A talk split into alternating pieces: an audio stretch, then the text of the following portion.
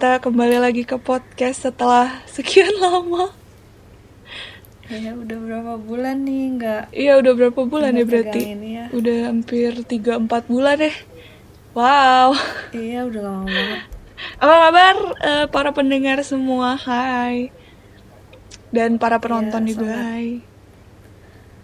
Selamat mendengarkan podcast kita buat yang baru ataupun yang lama. Iya. Selamat Maaf datang. banget baru bisa update sekarang. Jadi eh, sebelum kita membahas topik kita hari ini, mari kita update dulu berita kita masing-masing ya, karena mungkin Oke oke. Iya mungkin ada yang bingung juga ke mana aja nih orang ya Kenapa ini berdua kagak bikin-bikin podcast dari kemarin apa gitu masalahnya Ya. Jadi ada apa nih sebenarnya? ada sih nggak ada masalah sih sebenarnya nggak ada. Oh nggak ada, cuman Nggak punya masalah, cuman ya gitu aja. uh, life been tough guys ya. Eh, ah. eh buat gue pribadi gue ada berita baiknya karena setelah gue dengar-dengar dari podcast kita yang lama kan kalian semua taunya mm, gue kerja itu eh masih freelance dan part time ya. Jadi waktu kita akhirnya memutuskan untuk berhenti podcast itu juga salah satu alasannya adalah karena gue akhirnya keterima untuk kerja full time yay Yeay. ya jadi bahagia banget ya ya jadi akhirnya Lebay eh, banget ya? gue udah kerja full time ya jadi akhirnya tapi kerja part time dan juga kerja freelance gue masih jalan gitu Hmm.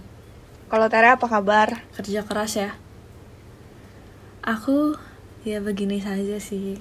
Nggak ada perubahan semenjak terakhir. Semenjak terakhir kita podcast. Nggak ada ya perubahan. masih sama eh masih sama pekerjaannya masih sama aktivitasnya. Mm-mm. udah sih itu aja. Baiklah. Aku tidak ada yang berubah kok. Nggak makin happy atau gimana gitu eh harus happy ya Ah, harus happy kita harus happy Baiklah. Ya, jadi intinya eh, selama kita nggak bikin podcast pun sebenarnya kita sering update juga di Instagram. Ya, Um, thank you teman-teman semua yang udah ikutan ngobrol ya, walaupun nggak sempet ngepodcastin juga jadinya, tapi ya ya nggak apa-apa. Dan sebenarnya eh, quick update aja. Gue bukan iPhone user ya teman-teman semua, jadi gue nggak punya Clubhouse.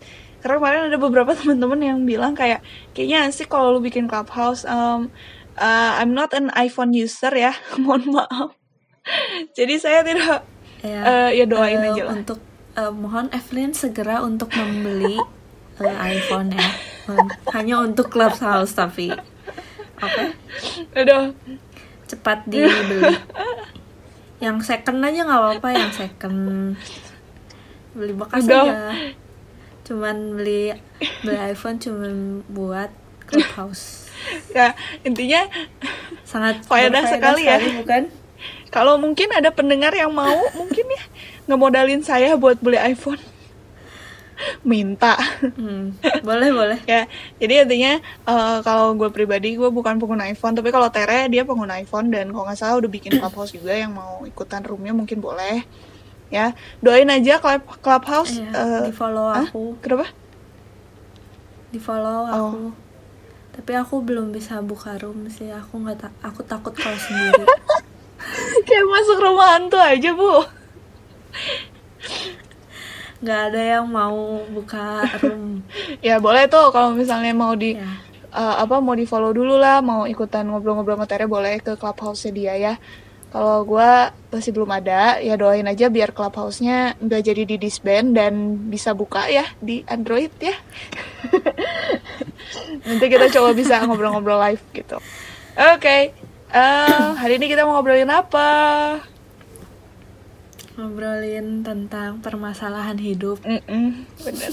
Emang kita tuh ya udah lama nggak bikin podcast terus tiba-tiba bikin podcast eh serius. Nggak Eh, pernah gitu. apa-apa dong. Iya. biar ini tuh bermanfaat buat kalian Oh, iya, semua. iya, iya, betul betul betul, betul. cie. Oke, kita selalu bermanfaat sih buat kalian. Entah itu cuma penghibur doang ya, atau memang benar-benar bagi informasi gitu. Oke, eh, jadi hari ini kita mau bahas tentang quarter life crisis. Ya, nggak terlalu bahagia sebenarnya karena ini adalah satu materi pertama yang berat.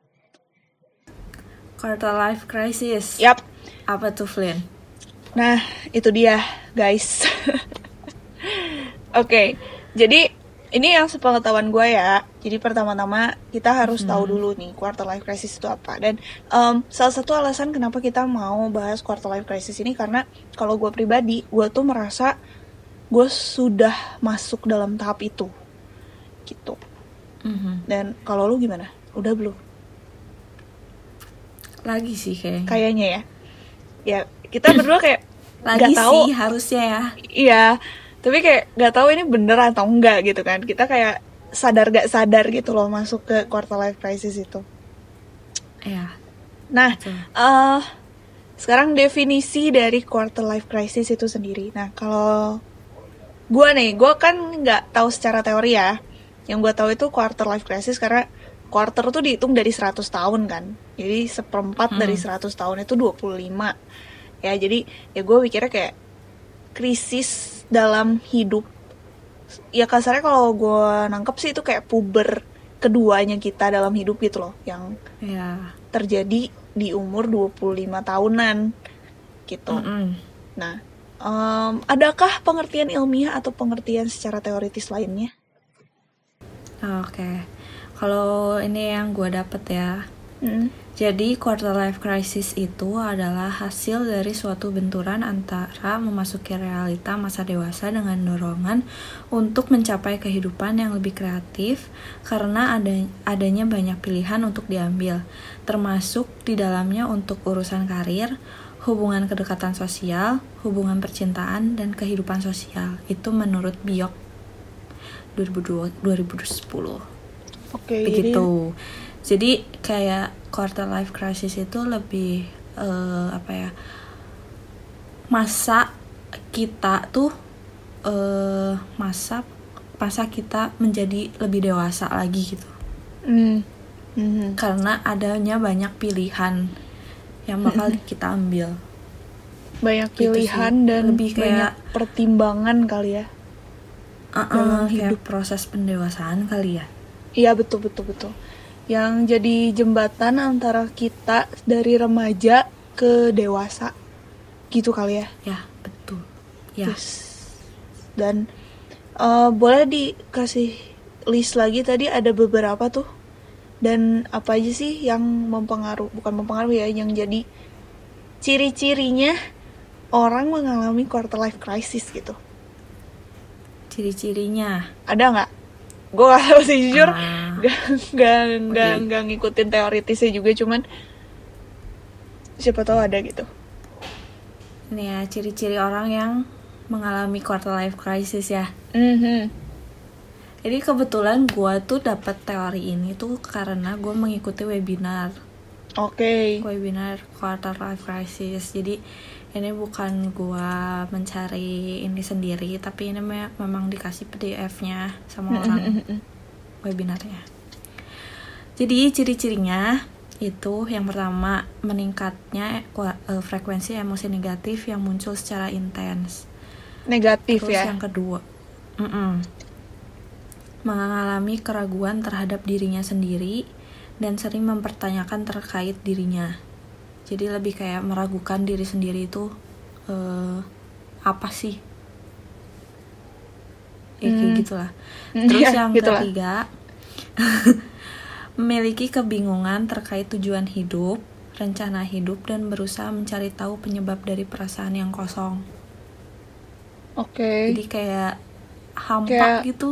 Kayak hampa. hambar lagi hambar-hambar ya, hambar lah. Hampa Iya, kayak iya. gimana banget gitu. Terus yang Oke. keempat itu pun- eh, mengalami kesulitan dalam mengambil keputusan dan merasa tidak berdaya saat dihadapkan dengan pilihan. Jadi kayak ke sini salah, ke situ salah. Terus kayak nggak tahu gitu harus pilih yang mana. Iya, iya betul betul. Terus yang terakhir itu nggak punya motivasi dan energi buat melakukan suatu hal Jadi mageran Begitu. kali ya. ya jadi kayak apa ya ya mau ngerjain ini kayak nggak aduh kayak nggak pengen aja gitu ngerjain itu juga kayak nggak pengen kayak Iya, nggak iya. ada nggak ada ininya gitu nggak ada semangat buat mengerjakannya Nah, tahu tahu tahu. tahu. Nah, eh, tadi kan udah di list ya kurang lebih ada lima yang menjadi ciri-ciri orang yang sedang mengalami eh, quarter life crisis gitu. Nah, dari lima itu, apakah lu mengalami apakah gitu? Aku. Iya, kamu dulu deh. aku aku. Aku mau mengalami dong. Apa dan gimana kok ceritanya? kayak kayak bangga banget ya gitu ngomongnya. Iya kok kayak bangga. Padahal itu sesuatu yang ini loh itu tuh bukan sesuatu yang bah nggak baik ya. Baik tapi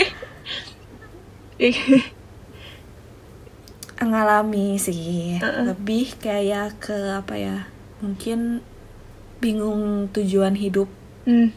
Gitu rencana masa hidup eh masa depan. Terus eh, apa ragu gitu mau ngambil keputusan mau yang mana. Terus kayak nggak tahu gitu mau mau harus ngambil ke yang mana gitu. Iya. itu sih. Tapi terus kadang kayak mempa- kadang tuh kayak gue mempertanyakan diri gue sendiri tuh apa sih yang bisa gue banggain dari gua- diri gue sendiri gitu. Oke jadi Kalau gue simpulkan berarti lu mengalami tiga dari lima ya? Yang iya. lu ragu akan diri lu sendiri terus lu bingung soal tujuan hidup lu dan lu juga bingung untuk mengambil keputusan gitu ya? Mm. nah berarti nggak ada emosi negatif dan nggak mageran juga ya? Enggak sih atau sometimes ya. gitu iya Cuman gitu. mungkin sometimes sih ya iya iya. Mungkin ya gue gue nggak tahu sih kayak ya biasa aja gitu sebenarnya mau lakuin ini ya dilakukan. Cuman tuh kayak ya irit kayak balik lagi kayak eh, bener gak sih ini yang gue lakuin tuh bener nggak gitu? Hmm, Eh, gitu sih. Mhm. oke.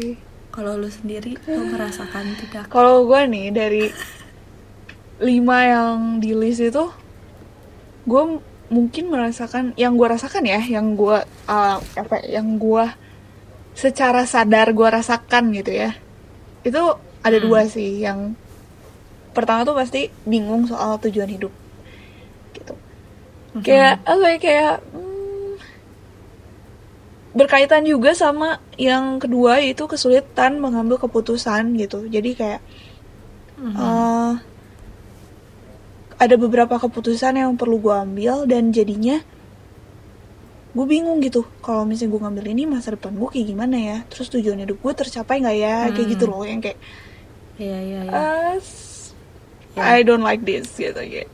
Hmm. semakin banyak pilihan itu bukan semakin mudah untuk dipilih ya teman-teman.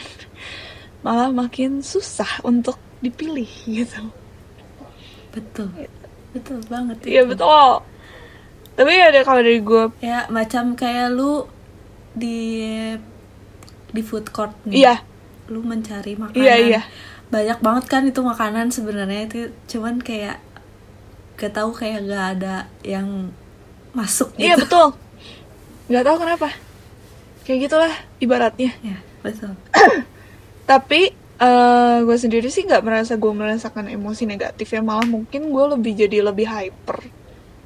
Sekarang-sekarang setelah hmm, hiperaktif Iya. sih anaknya tapi ini terjadi malah setelah corona sih tahun kemarin kan ya kalau misalnya dikaitkan sama umur berarti kita tuh sebenarnya belum masuk umur 25 gitu kan.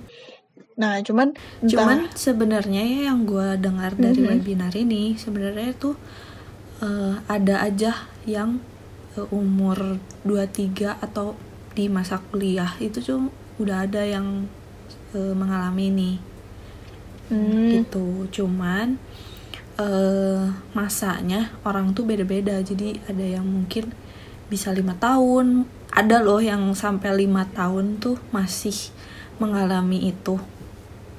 Oke, berarti Gitu. sebenarnya umur itu cuman kayak sebatas patokan ilmiahnya aja lah ya, teorinya doang gitu ya. rata-rata gitu loh. Iya, iya.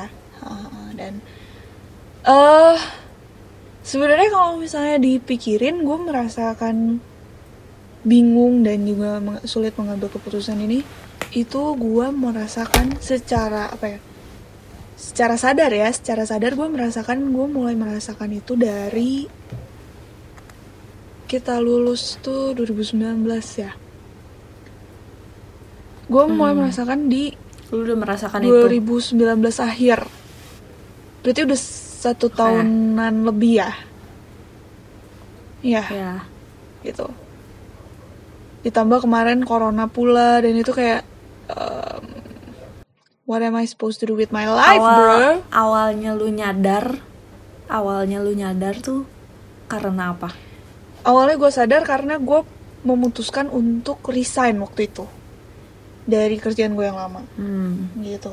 Gue memutuskan untuk resign tapi setelah resign gue jadi bingung gitu kayak lah terus gue mau apa ini kalau udah resign? gitu.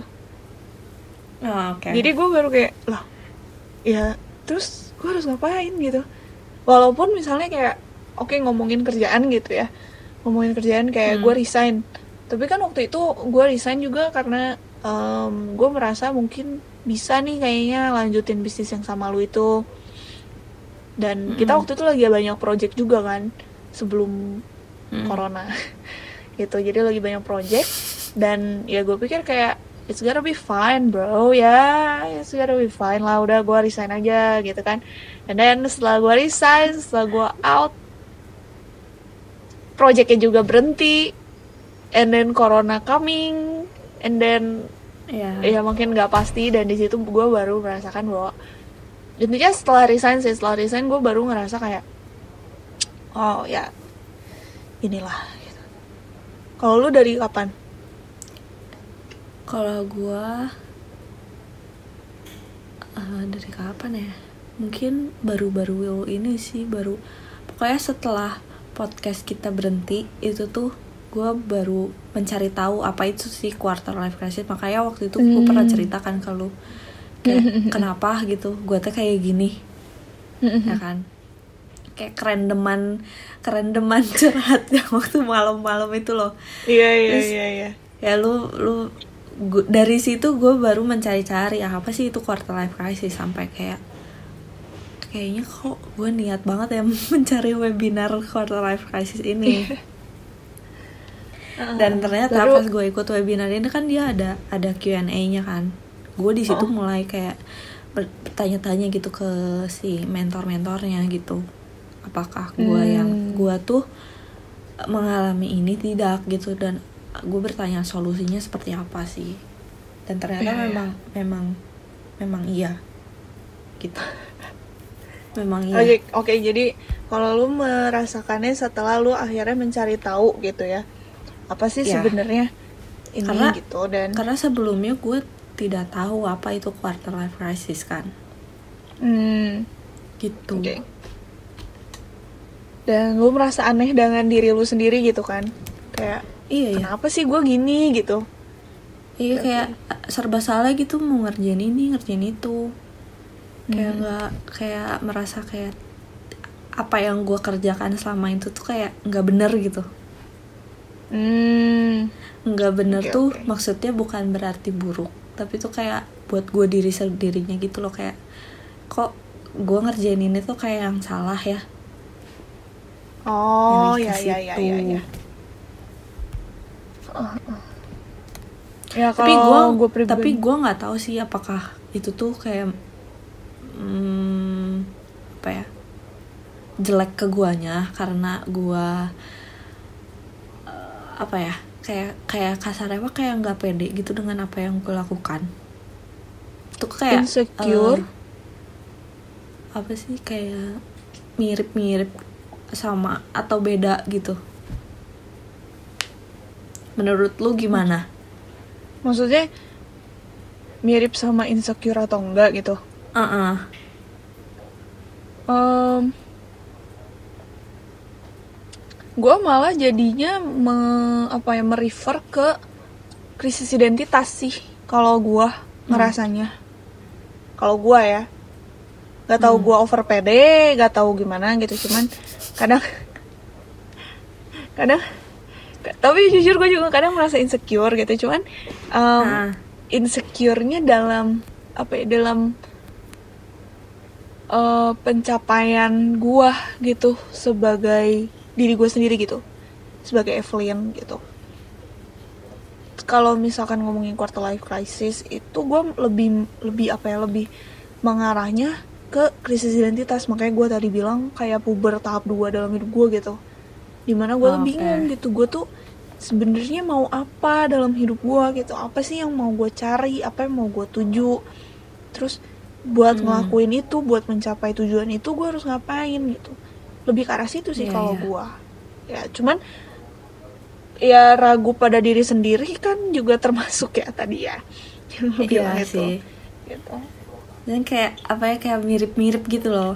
mirip sih kalau gue cari di Wikipedia itu dia eh, linknya di bawahnya itu dia ke existential crisis sama midlife crisis midterm life crisis gitu jadi Oh, krisis eh, eksistensi kita gitu keberadaan kita mempertanyakan mempertanyakan keberadaan kita dan ke eh, midterm mid apa ya midterm life crisis gitu jadi pertengahan lah 50-an gitu Iya iya iya. kayak gitu Oke. linknya sih ke sana ya mungkin lebih apa ya lebih nyambung ke sana mungkin gitu Hmm. dan selama ini berarti udah berapa lama lu mengalami itu? Mengalami ini? Si quarter life crisis Mungkin kalau kalau mengalami sih se- eh, sebenarnya mungkin sama sih kayak lu diri di awal kuliah juga. Cuman kan pas gua awal kuliah gue belum tahu kan apa sih ini namanya gitu. Awal lulus kuliah maksudnya? Mm-mm. oh. Hmm.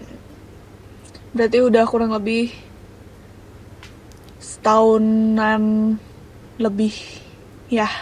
Iya. Dan apakah ini mempengaruhi pekerjaan lu atau misalnya mempengaruhi apa enggak gitu dalam hidup lu yang kerasa ya yang gue bilang yang kerasa bukan yang kayak yang tanpa sadar gitu. Ya kalau misalnya lu tanpa sadar dan sekarang lu sadar ya boleh sih.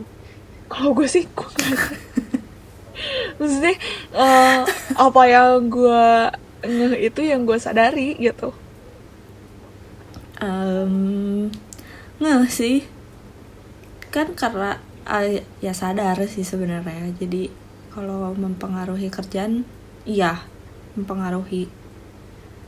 Di bagian mana tuh? ti- cuman tidak dengan hasil kerja gua gitu. Lebih kayak apa ya apa yang gua kerjakan di bidang itu Hmm, nggak nggak nggak kayak apa ya gue kok tuh merasanya lebih kayak em, yang tadi ya gitu kayak apa sih yang gue lakuin ap- apakah yang gue lakukan ini tuh benar dan oh. itu baik gitu ke gue untuk di masa Mhm. depan gue gitu lebih ke arah Mhm. situnya sih kalau gue tapi kalau misalnya menjadi tidak memotivasi untuk mengerjakan kerjaan gue eh, enggak sih Hmm. Oke. gitu Hmm. Kalau gue pribadi sih jujur gue kayak yang karena tahun kemarin gue nggak kerja ya jatuhnya, jadi gue lebih kayak si quarter life crisis ini lebih ke arah consuming my energy aja sih tahun kemarin ya, Mm-mm. Lebih Kayak tepatnya. burnout gitu ya Heeh. Jadi kayak yang karena pertama kan gue nggak dapet pekerjaan tuh, jadi gue Hmm. merasa kayak ya gue harus ngapain itu. Kalau tahun kemarin gue merasakan Ya, nggak ya, ada ya. motivasi gitu, bener-bener kayak ngapain juga kayaknya percuma gitu. Tapi kalau Ah. setelah dapet part time job, terus dikit-dikit dapet opportunity bisnis dan segala macam, em, apa ya jadi lebih lebih hyper malah. Kalau gua Hmm. jadi lebih pengen melakukan ini dan itu gitu. Karena gua bingung masa depan gua kayak gimana dan opsi gua terlalu banyak. Jadi gua kayak ya udah kita open to opportunity saja gitu open to every chances yang bisa gue ambil.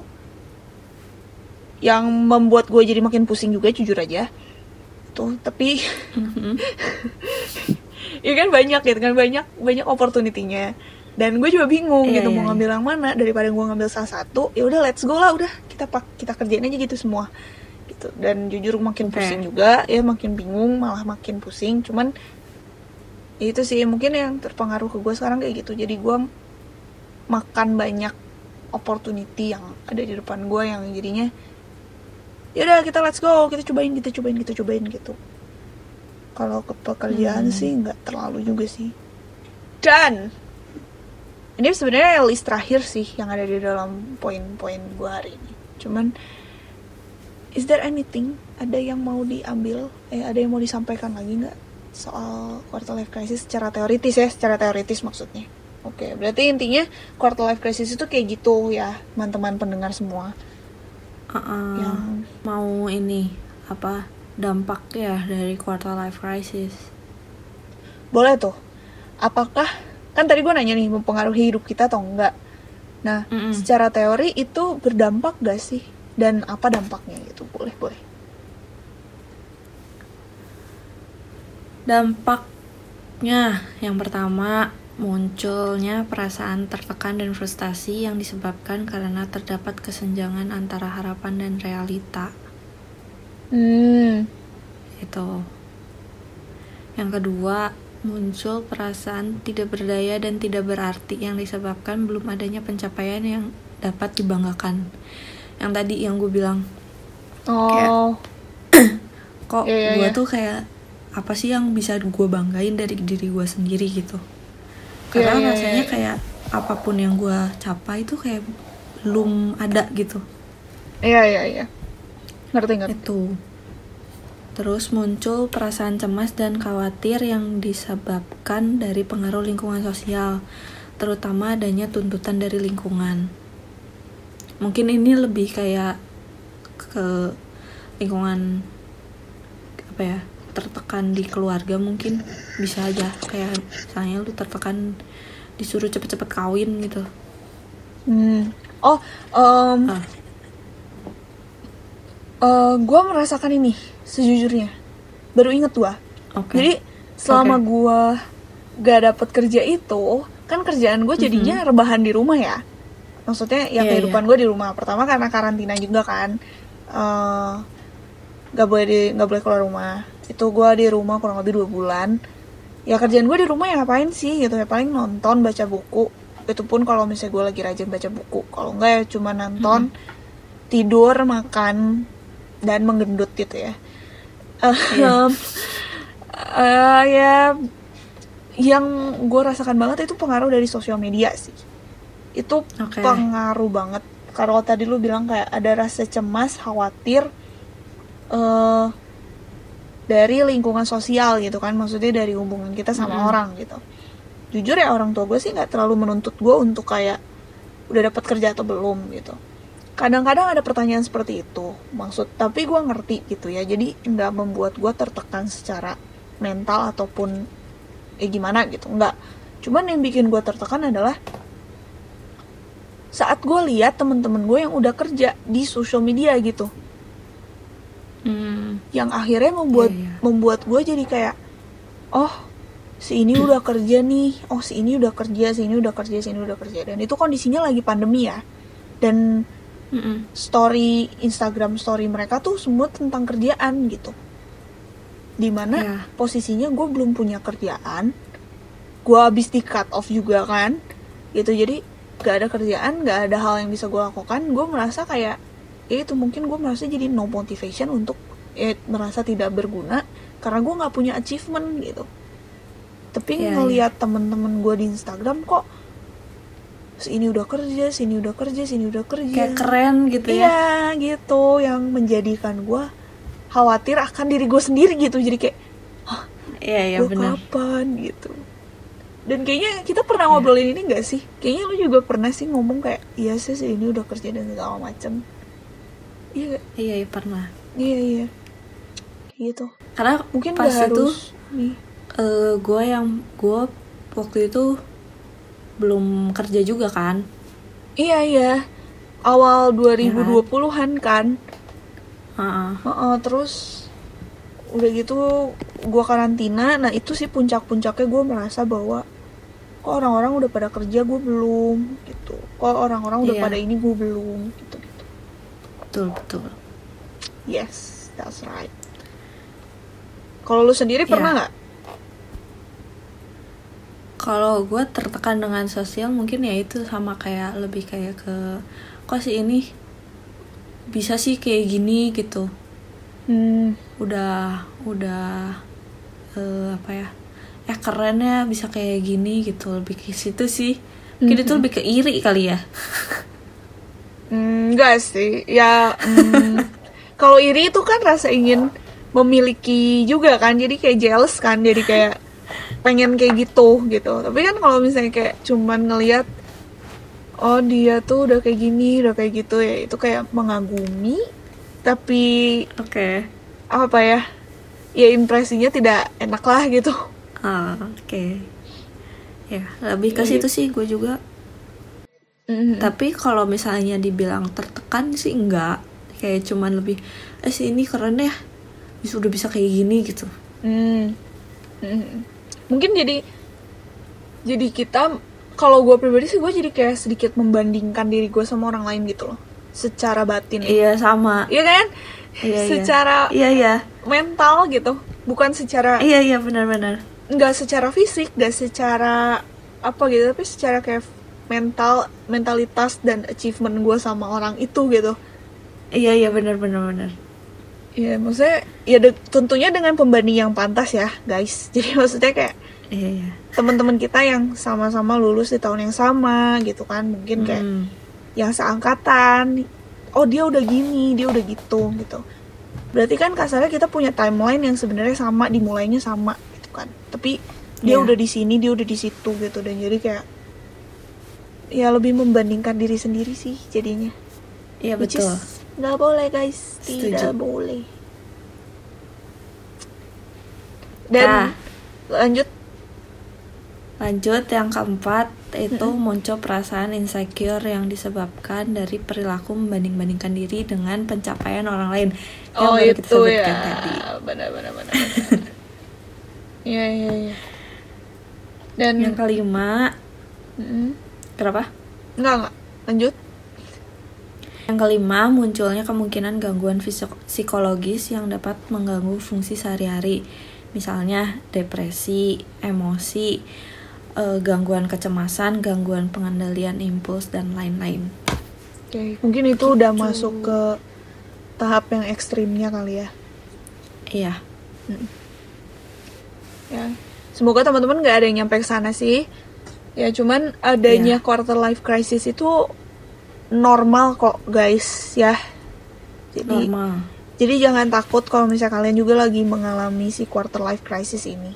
Mhm. ya karena normal sih adanya gitu dan apakah si dampak Justru ini dengan adanya Mhm. dengan adanya quarter life crisis lu lebih bisa untuk mengeksplor diri diri lu sendiri gitu terus lu bisa Iya, iya. mengeksplor kegiatan kegiatan betul. baru misalnya dengan Betul. lu eh, ini tuh ya selama pandemi lah lu pasti kan merasakan Hmm, bosen gitu di rumah aja gitu ya jadi lu melakukan aktivitas baru ya ya terus membuka buka perspektif baru lagi gitu dari pandangan-pandangan yang lain iya Gitu. betul jadi dengan dengan proses Betul. eh, dengan quarter life crisis, crisis ini tuh lu lebih meng- bisa mengembangkan diri lu lagi iya betul Gitu. kalau gue sih merasanya kita tuh jadi lebih kenal sama diri sendiri lagi gitu kayak Mm-mm. bener gak sih gue tuh orangnya kayak gini apa sih yang sebenarnya gue mau gitu kan Ya. itu sih yang gue dapetin ya jadinya dan banyak kalau gue setelah bukan setelah ya ini belum berlalu malahnya masih berjalan. Hmm. Em, banyak apa ya selama selama gue mengalami quarter life crisis ini ya banyak gue jadi banyak mereview hidup gue gitu loh. Jadi kayak kata-kata yang dulu pernah gue ucapin harapan-harapan dan juga apa ya kat- kata-kata lah lebih ke arah kayak apa yang pernah gue ucapkan itu jadi jadi balik lagi ke gue gitu dengan pemikiran gue gitu dan membuat gue jadi eh, mereview ulang kata-kata gue itu ngerti nggak bener atau enggak Hmm. terus kayak dan ternyata Iya, iya. banyak prinsip-prinsip yang jadinya membuka mata gue dan membalikan prinsip-prinsip yang dulu gue pernah pegang gitu loh Yes. jadi kayak banyak yang oh ternyata tuh hidup tuh nggak gini oh ternyata tuh Mm-mm. kehidupan orang dewasa tuh nggak kayak gitu gitu Iya. lu gitu juga nggak sih? Betul. apa gue doang? Iya sih lebih eh, apa bisa mengenal diri sendiri terus bisa menerima menerima diri lu dengan apa adanya karena ya memang beginilah gitu adanya. Iya. Gitu gitu Gitu. betul betul. Ya begitu dan em, tadi kan dampaknya eh, udah ditulisin juga ya ada beberapa Mm-mm. apakah dampak-dampak itu tuh masih lu rasakan? Ada yang misalnya kayak cemas dan khawatir soal tadi ya karena ada social sama insecure. Mungkin itu ya yang tadi kita bahas ada dua. Dan Iya. achievement juga. Apakah masih lu rasakan atau mungkin udah kayak ya udah lewat lah karena gue udah kerja atau ya masih gitu gimana? Masih sih. Karena prosesnya masih belum beres menurut gue ya. Buat gue sendiri sih gue masih masih melakukan proses ini. Karena tidak gampang. Iya. Iya sih itu benar Oke. nggak gampang. Tidak gampang guys ini tuh. Betul. Karena eh lu harus bisa menerima diri lu sendiri Mm-mm. gitu dengan apa adanya. Dan gak nggak ya itu kayak lu menerima diri lu sendiri juga kayak udah susah gitu. Iya buat iya. gue ya. Buat gue sendiri itu agak susah gitu. Hmm. itu sih. Kalau lu masih atau sudah berlalu? Kalau gue merasa eh, kecemasan gue tentang sosial apa sih tadi yang yang itulah yang rasa cemas dan khawatir Aha. lewat hubungan sosial itu gue merasa kayak nggak se severe dulu gitu. Nggak se bahasa Indonesia nya apa nggak separah dulu gitu. Maafin ya saya lupa bahasa saudara-saudara. Gitu. Jadi nggak se nggak separah dulu cuman masih kadang-kadang gitu masih masih merasa Hmm. gitu. Dan cuman mungkin yang gue berhenti adalah yang gue jadi nggak membandingkan diri gue sama orang lain sih. Ya, gue merasa kayak Hmm. sebenarnya prinsipnya dari dulu gue selalu berpegang pada prinsip di mana setiap orang itu berjalan dengan waktunya mereka sendiri-sendiri. Gitu. Cuman eh perlu gue akui bahwa begitu gue masuk quarter life crisis diri gue sendiri pun jadi aneh gitu yang lu bilang itu kenapa sih gue gini Hmm. gitu kan yang lu cerita itu kenapa sih gue gini Hmm. kenapa sih gue gini gitu ya di situlah yang baru gue kayak yang perasaan gue selalu berpegang pada prinsip di mana orang itu berjalan dengan waktu mereka sendiri kenapa gue jadi membandingkan Hmm. waktu gue dengan waktu orang lain gitu kenapa gue membandingkan Hmm. achievement gue dengan orang lain toh gue percaya kalau setiap orang itu punya waktunya masing-masing gitu tapi kenapa gue Hmm. malah jadi percaya sama eh, ya kayak gitulah jadi kebalik gitu yang tadi gue bilang jadi kebalik gitu prinsipnya. Ya, ya, ya. gitu sih cuman ya gue lagi berusaha untuk balik bukan balik lagi ya kayak mereview ulang lah gitu. Dan em, apa ya ya beda lah sama sama puber biasa gitu. Maksudnya bukan puber biasa ya puber waktu kita SMP SMA gitu yang di mana kayak pencarian beda sih. pencarian jati diri tuh tidak sekompleks ini. Iya. Dan pastilah. Ya sama sih. Sama sih. Kak, kita kan masih kecil gitu Iya, masih iya, remaja iya, iya. guys dulu tuh. Heeh. jadi kayak ya udahlah yang kayak gini-gini doang nggak perlu dipikirin gitu. Tapi ternyata pas udah begini udah seumur betul. ini makin pusing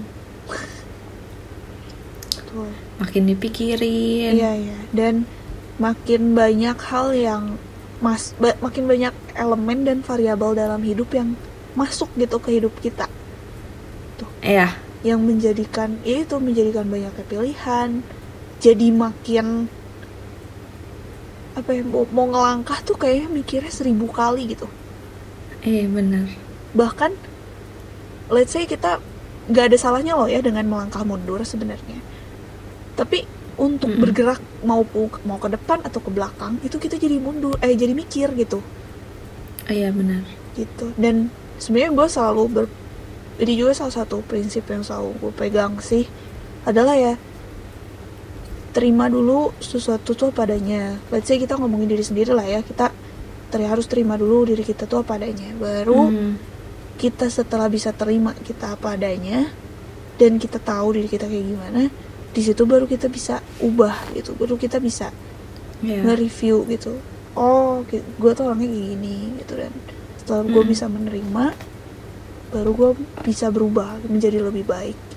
Iya. Terus dan lu bisa memikirkan apa yang seharusnya lu lakukan ke depan. Ya tuh. Dan itu tidak gampang guys. Walaupun kita ngomongnya kayak "Hmm, Mario Teguh gitu ya.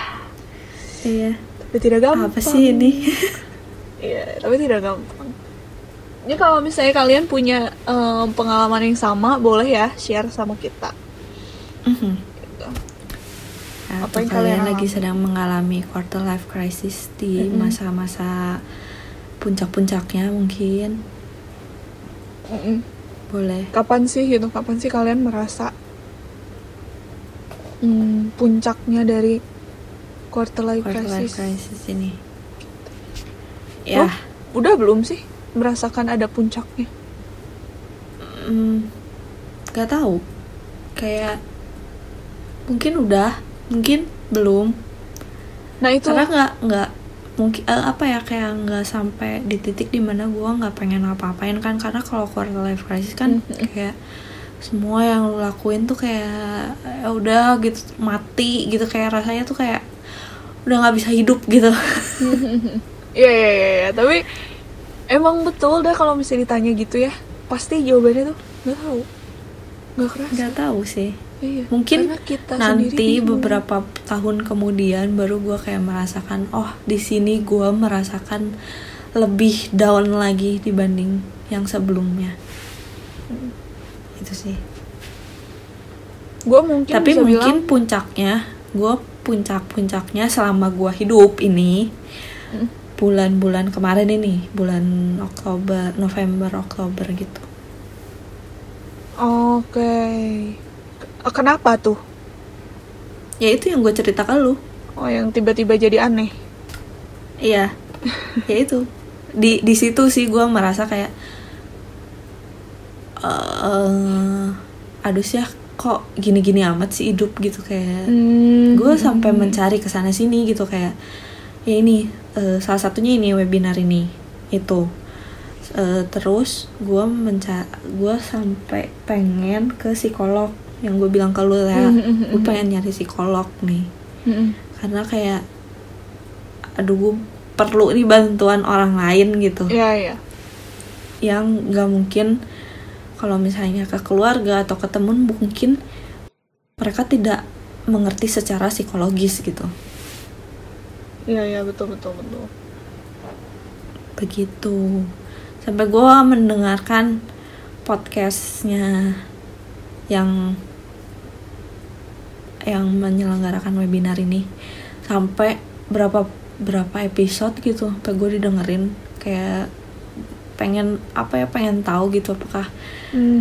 ya itu yang tujuan yang pokoknya yang tentang tujuan hidup lah tentang insecurity yang kayak gitu-gitu sih iya iya iya di situ Dan um, by the way, buat kalian yang merasa sama sama Tere, itu it's okay banget ya buat ketemu sama psikolog.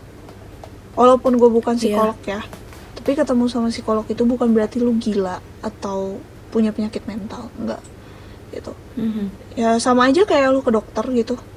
Eh, lu belum tentu sakit keras kan, tapi misalnya lu butuh obat batuk atau lu butuh resep obat apa eh, obat pilek gitu kan ya lu butuh ke dokter gitu ya Iya, sama sih betul. sama ke psikolog juga gitu lu merasa ada yang nggak baik nggak nggak sehat dalam mental lu tapi bukan berarti lu gila gitu. Ya lu merasa ada yang Iya. nggak bener aja yang butuh yang butuh psikolog dibenerin. tuh bukan karena lu gila bukan. Mm-mm, lu nggak gila.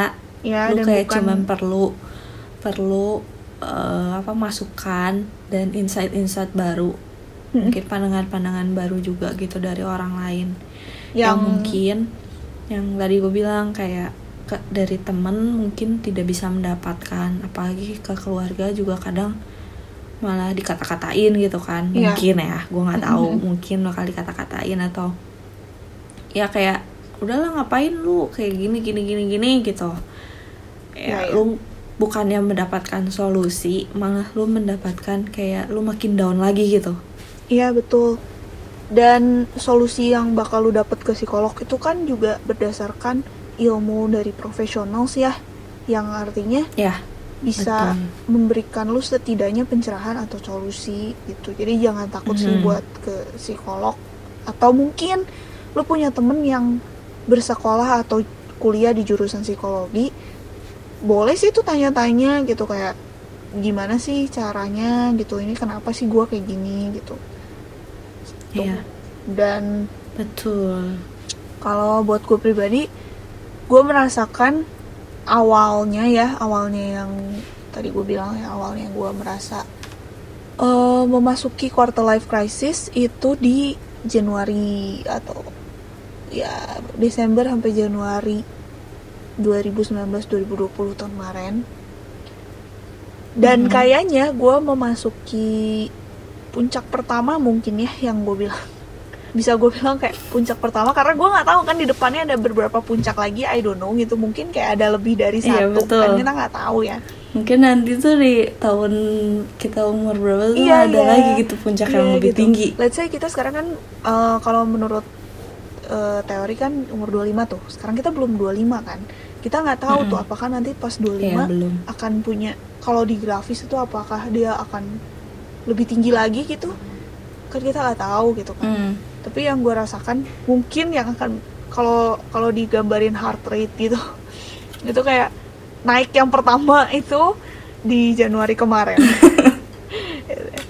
itu Oke. apa em, tip yang pertamanya gitu dari gua di mana gue bingung banget mau mengambil keputusan untuk ya, karir lah lebih ke arah karir gitu. Yang kemarin gue cerita juga yang gue bingung banget ini gimana mau gimana. Hmm, tuh mungkin adalah betul. eh, apa? Eh, tip pertama gue lah yang gue rasakan sebingung itu dan akhirnya eh secara ajaib gue mendapat jawabannya. Jadi ya Udah mendapatkan udah jawabannya. karena udah lewat juga dan memang gue harus mengambil keputusan tuh Oh, akhir lewat. Januari kemarin kan sebenarnya dan Nah, iya benar. akhirnya sekarang udah mau akhir Februari Iya, iya. ya bersyukurnya udah dapet jawaban lah gitu. untuk itu ya baru untuk satu tip itu doang loh ya belum belum buat yang lain-lain gitu nah eh tadi kita udah bahas soal dampak dan juga ciri-ciri dan juga dan segala macamnya mungkin ini akan menjadi poin terakhir kali ya poin terakhir dalam pembahasan kita hari ini dan seperti biasa walaupun kita cuma ada empat poin hari ini tapi ternyata sudah satu jam ya saudara-saudara Iya. Nggak kerasa, guys. Oke, eh, poin terakhirnya apa tuh Teh?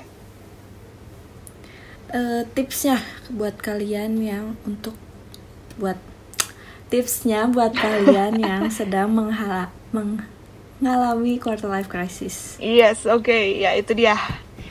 Eh, Oke, jadi eh, ini ada menjadi tips karena kita juga kan baru ya, kita juga masih sama-sama menjalani. Jadi jujur ya kita juga nggak punya saran dan nggak bisa kayak ngasih kalian saran dan masukan juga.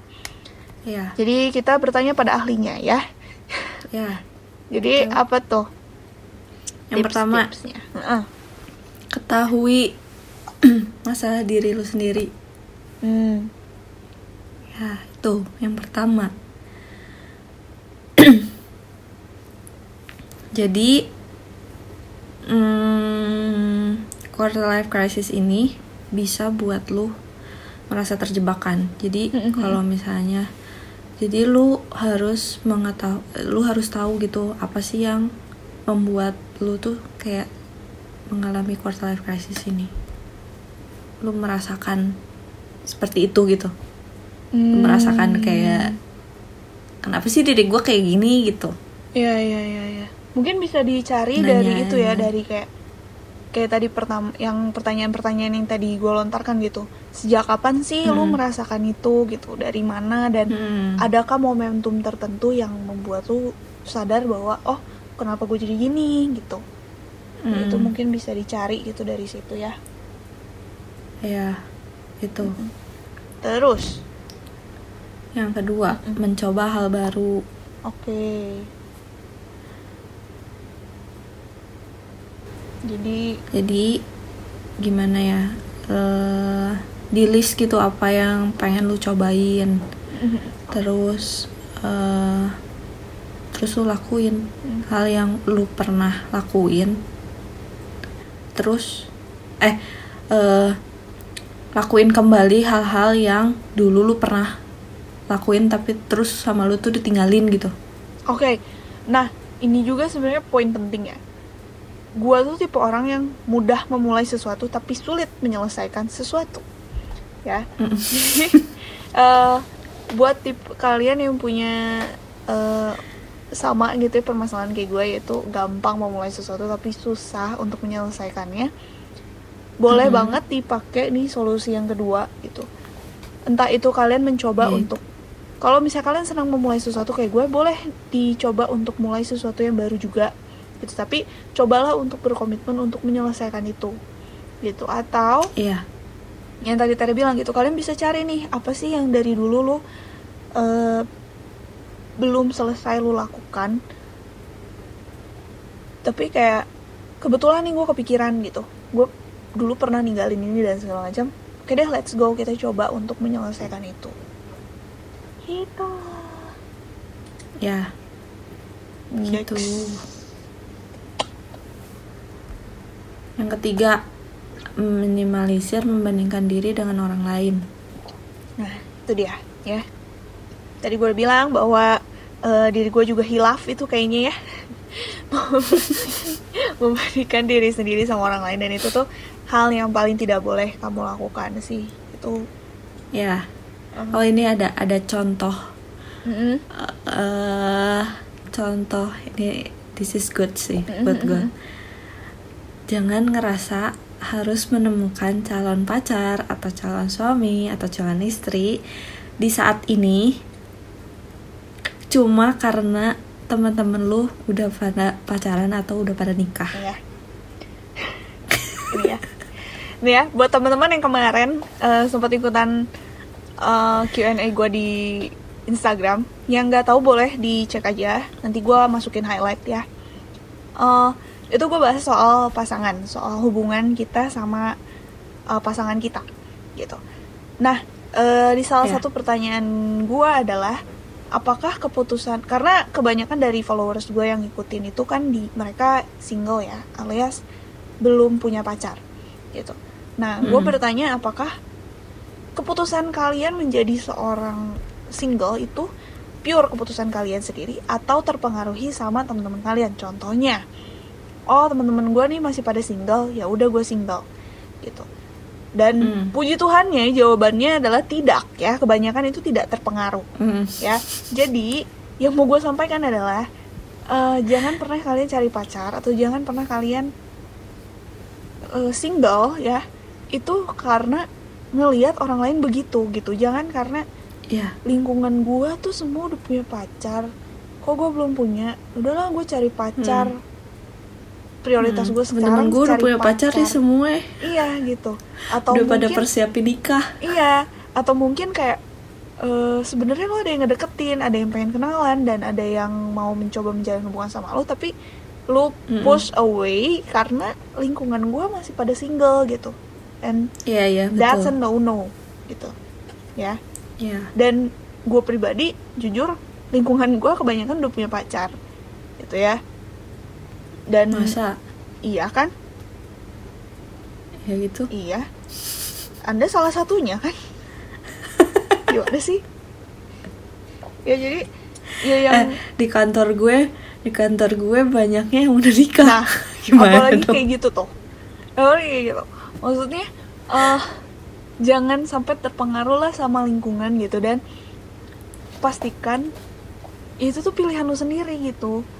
Eh, dan Iya. gua pun mem- memilih untuk tetap single itu bukan karena lingkungan gue single gitu tapi malah temen-temen gue udah udah pada punya pacar gitu. Ada yang udah pacaran Hmm. lama bahkan gitu. Dan kenapa gue single itu bukan karena mereka karena mungkin gue merasa oh gue nggak cocok sama si A gue nggak cocok sama si B. Gue berusaha untuk menjalin hubungan tapi ternyata nggak cocok gitu. Bukan karena ah ya udahlah gue single. Teman-teman gue juga single nggak gitu konsepnya gitu. Iya, dan begitu juga sebaliknya ya. Gitu. Iya betul. dan jangan juga cari pasangan karena disuruh ya. Hmm, iya betul. jangan kamu melakukan sesuatu ini nggak cuma hubungannya sama pasangan hidup dong sih. Jadi sama lingkungan juga sama pekerjaan juga sama karir juga gitu. Misalnya ngomongin soal apa, apa ya karir lah. Oh teman-teman gue pada bisnis kayaknya emang gue juga harus bisnis gue bisnis juga. Iya, enggak enggak harus gitu gitu memang ada beberapa orang yang lebih suka untuk kerja di perusahaan lebih suka Hmm. untuk eksplor di ker- kerja ke perusahaan gitu kerja sama orang gitu dan itu bukan sesuatu keputusan yang salah gitu dan Iya, kalau betul. kalau misalnya lingkungan kalian juga aduh tapi lingkungan gue pada kerja di kantoran nih masa gue buka bisnis ya it's okay gitu kalau misalnya memang itu keputusan lu sendiri gitu dan nggak ada yang salah dengan itu Ya, Betul, dan jangan ya dan jangan Setuju aku. melakukan sesuatu tuh karena disuruh gitu karena orang tua Iya. minta tahun depan udah merit misalnya ya, ya silahkan dicari jodohnya kalau anda ketemu ya satu tahun silahkan nggak masalah gitu tapi jangan pernah melakukan sesuatu tuh karena disuruh gitu nggak tulus juga ya hat- ya lu juga nggak tulus gitu kan sebagai individu yang melakukan itu juga kan nggak tulus tuh begitu juga kerjaan kalau misalnya ngerjain kerjaan atau misalnya kayak gue masuk perusahaan ini karena orang tua gue mau gue masuk perusahaan ini ya begitu juga dengan kuliah. Yes. Kayak lu pilih pilih jurusan. Mm. no ya memang betul ya di dunia ini tuh banyak yang mengajarkan eh jalan sendiri gitu. My life my rules.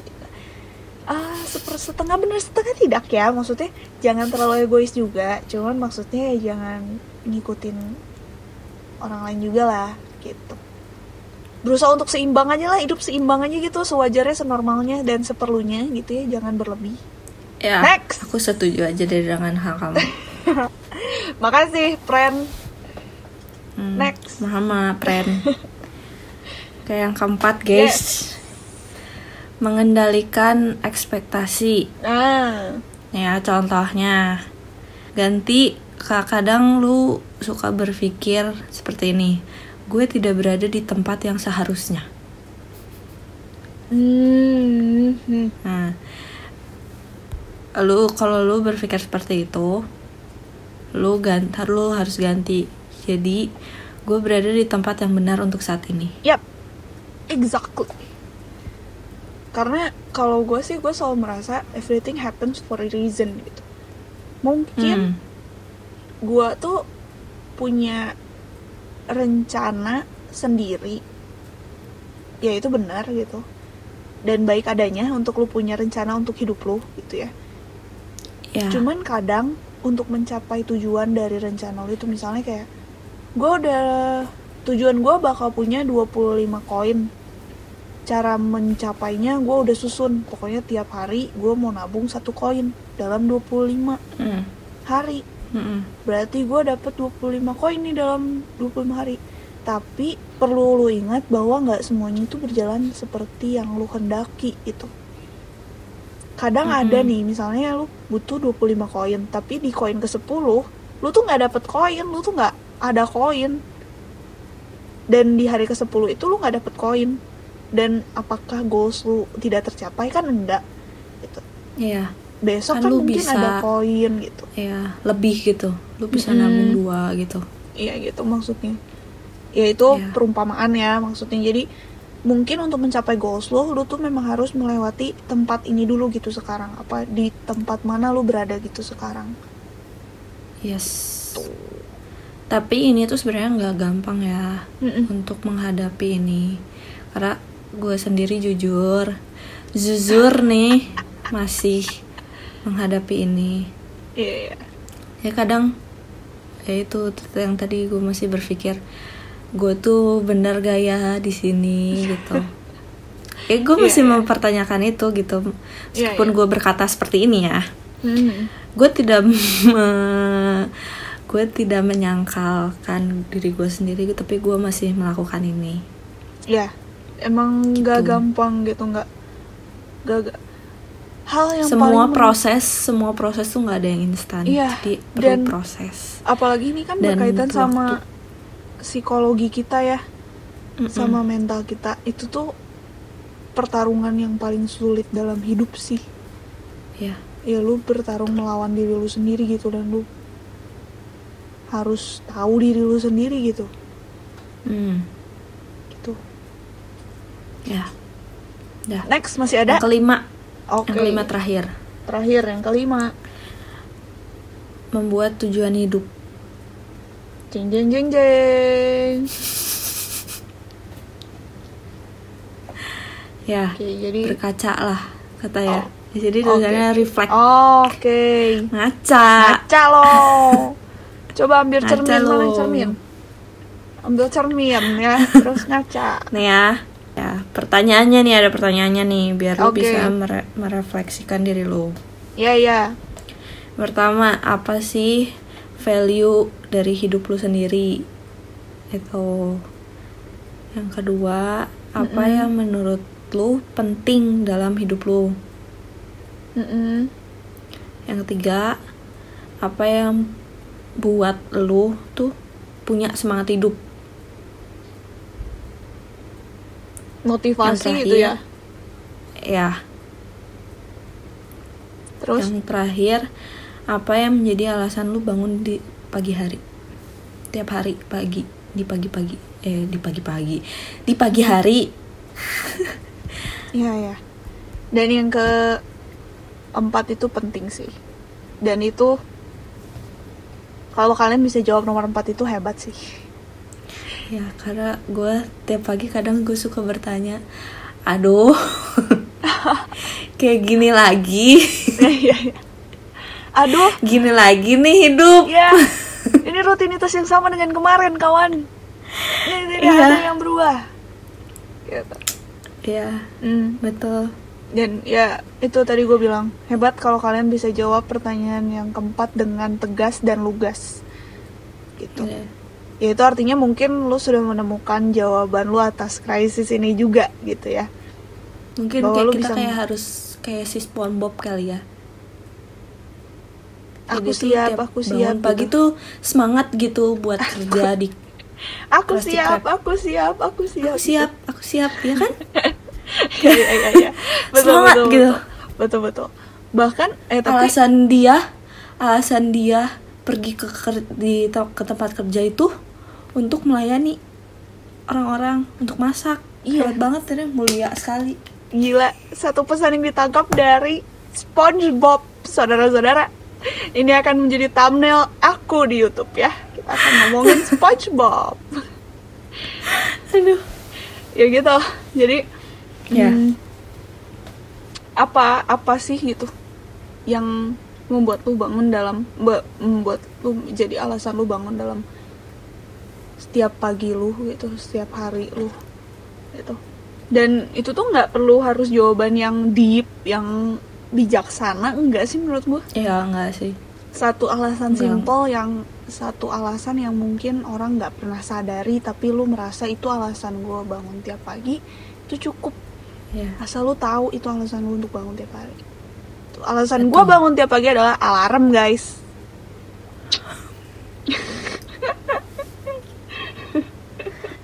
Aduh. Aduh. Aduh. Dangkal sekali ya Fli itu saya masuk ke permukaan aja kagak gitu. Tapi bener gak guys? Aduh aku tuh jadi ya bercanda. betul. Aku pun aku pun begitu. Ya kan? Ya Yo. karena alarmku berbunyi Hmm, jadi Dan aku takut. bangun. telat. Iya jadi aku bangun. Nah, alasannya apa? Hmm. berarti bangun takut telat. Nah itu udah satu sat- satu step lebih dalam guys. Kita cari lagi lebih dalam lagi. Ayo kita telusuri oke. Ya. Udah. Itu udah. Ah, udah mau dilanjut lagi. Enggak, udah udah cukup lanjut cukup. nih. Kenapa kenapa? kalian harus punya tujuan hidup? Oh kenapa nih kamu harus punya tujuan hidup tuh kenapa? Kenapa coba? Biar tahu aja gitu jalan mana yang harus kita lalui ya kan Iya. Ya, itu tadi kalau misalnya kita punya tujuan kita punya goalsnya kita tahu cara kita ke sana gimana Hmm, biar Gitu. eh, terus biar bisa fokus buat mencapai sesuatu Mm-mm. terus bisa mengembangkan strategi juga terus bisa menjalani hidup yang lebih bermakna Mm-mm.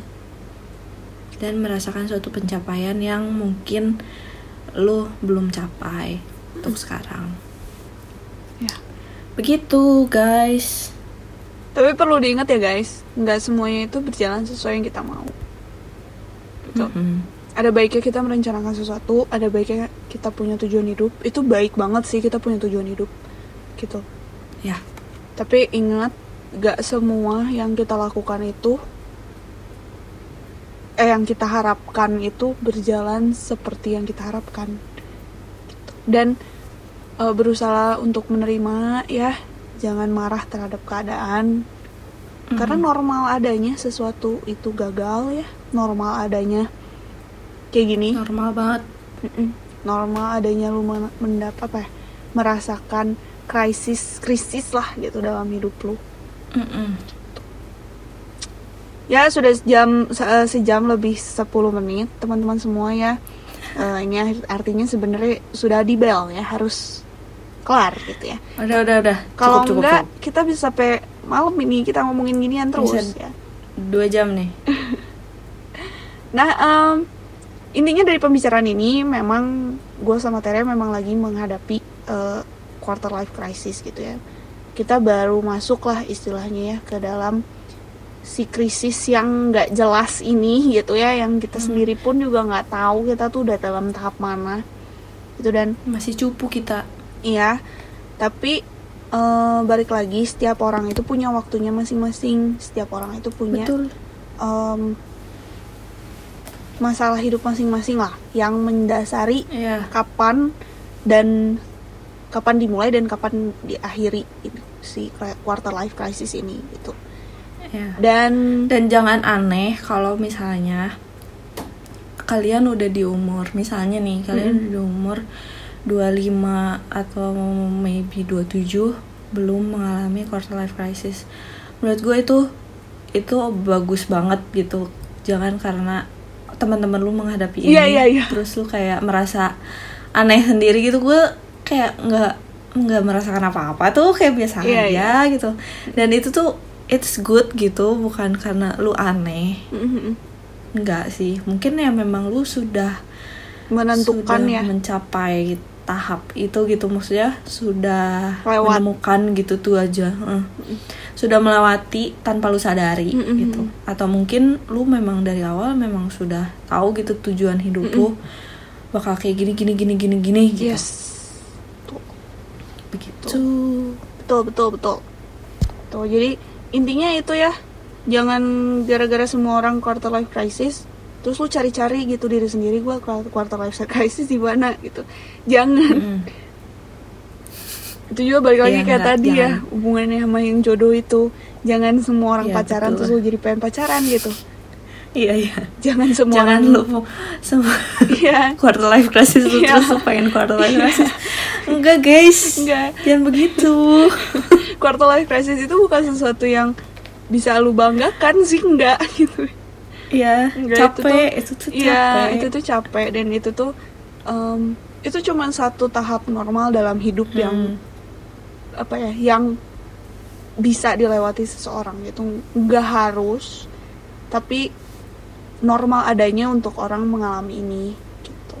ya Ya, dan cara orang Betul. nge-fight-nya juga beda-beda. Ya, eh, kita berdua juga kita nggak tahu ini ya kita udah di mana dari quarter life crisis kita. Ya, terus mm, bakal sampai kapan gitu Mm-mm. kita melalui ini mm, nggak tahu kita juga gitu. Ya kita cuman berharap yang terbaik aja. ya Dan kalau dari gua pesannya buat teman-teman semua yang lagi yang sama-sama juga lagi menghadapi quarter life crisis, ya semangat aja ya. Am, yang pasti karena quarter life crisis kan berhubungan sama mental kita ya. Mm-mm. Dan itu memang susah, tapi gue yakin menjaga kesehatan tubuh itu lebih mudah daripada menjaga kesehatan mental. Jadi Mm, usahakan betul. untuk sehat-sehat aja biar kita juga bisa nge-fight ini lebih baik lagi gitu ya apalagi di pandemi ini gitu dan jangan patah semangat cuman gara-gara ini doang gitu. Karena kan namanya quarter life crisis ya. Berarti lu minimal udah hidup Iya. selama 20 tahun gitu. Dan selama 20 tahun lu, lu merasa baik-baik saja kan? Lu hidup baik gitu.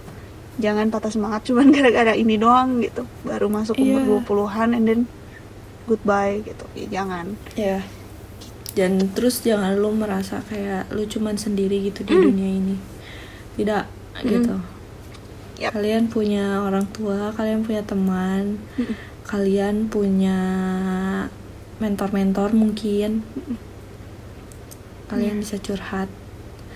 Curhat tuh nggak cuman ke teman nggak cuman ke keluarga tapi lu bisa curhat ke mentor atau bisa curhat ke psikolog juga. Yes exactly.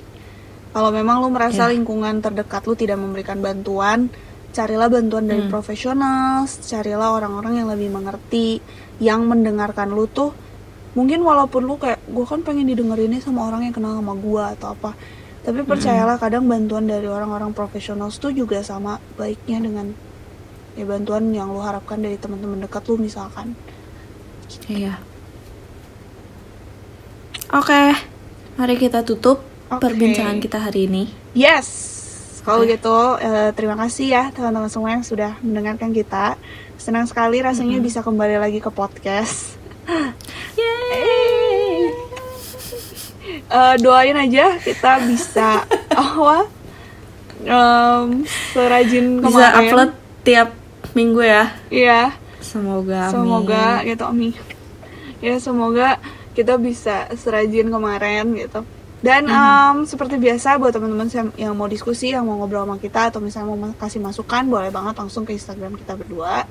Instagramnya ada Yes. di eh, description box.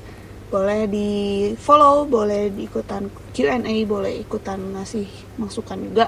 Silahkan langsung di DM aja kita berdua untuk ngobrol lebih lanjut. Ya. Ya. Topik selanjutnya apa, Flynn? Hmm. Topik selanjutnya apa ya? Apa ya? Drop di kolom komentar, oke? Ya. kalau, kalau, kalau. Ya. Kalau Ya. ya, ya. kalau kalian mau request dibahasin apa, tuh ya, boleh banget langsung Ya. drop aja. Entah itu di kolom komentar di YouTube atau di di podcast ada bisa Hmm, apa tuh? komen. Komen. Nggak bisa dong. Nggak bisa ya. Ya udah di Instagram aja deh yang paling bener ya. Boleh ke Instagram Iya. kita aja ya buat kasih-kasih topik yang mau kalian bahasin. Gitu. Ya. Oke, kalau begitu terima kasih sekali lagi teman-teman semua. Ya, Ya. dan Terima kasih semuanya sudah mendengarkan sampai akhir. ya, Semoga berguna Makasih loh dan semoga dengan menghibur. effortnya, effort kalian sudah mendengarkan sampai sejauh ini. Iya. Terima kasih. Oke. Lalu gitu terima kasih teman-teman semua. Sampai jumpa di episode berikutnya. Dadah. Dadah. Selamat malam. Selamat malam. Bye.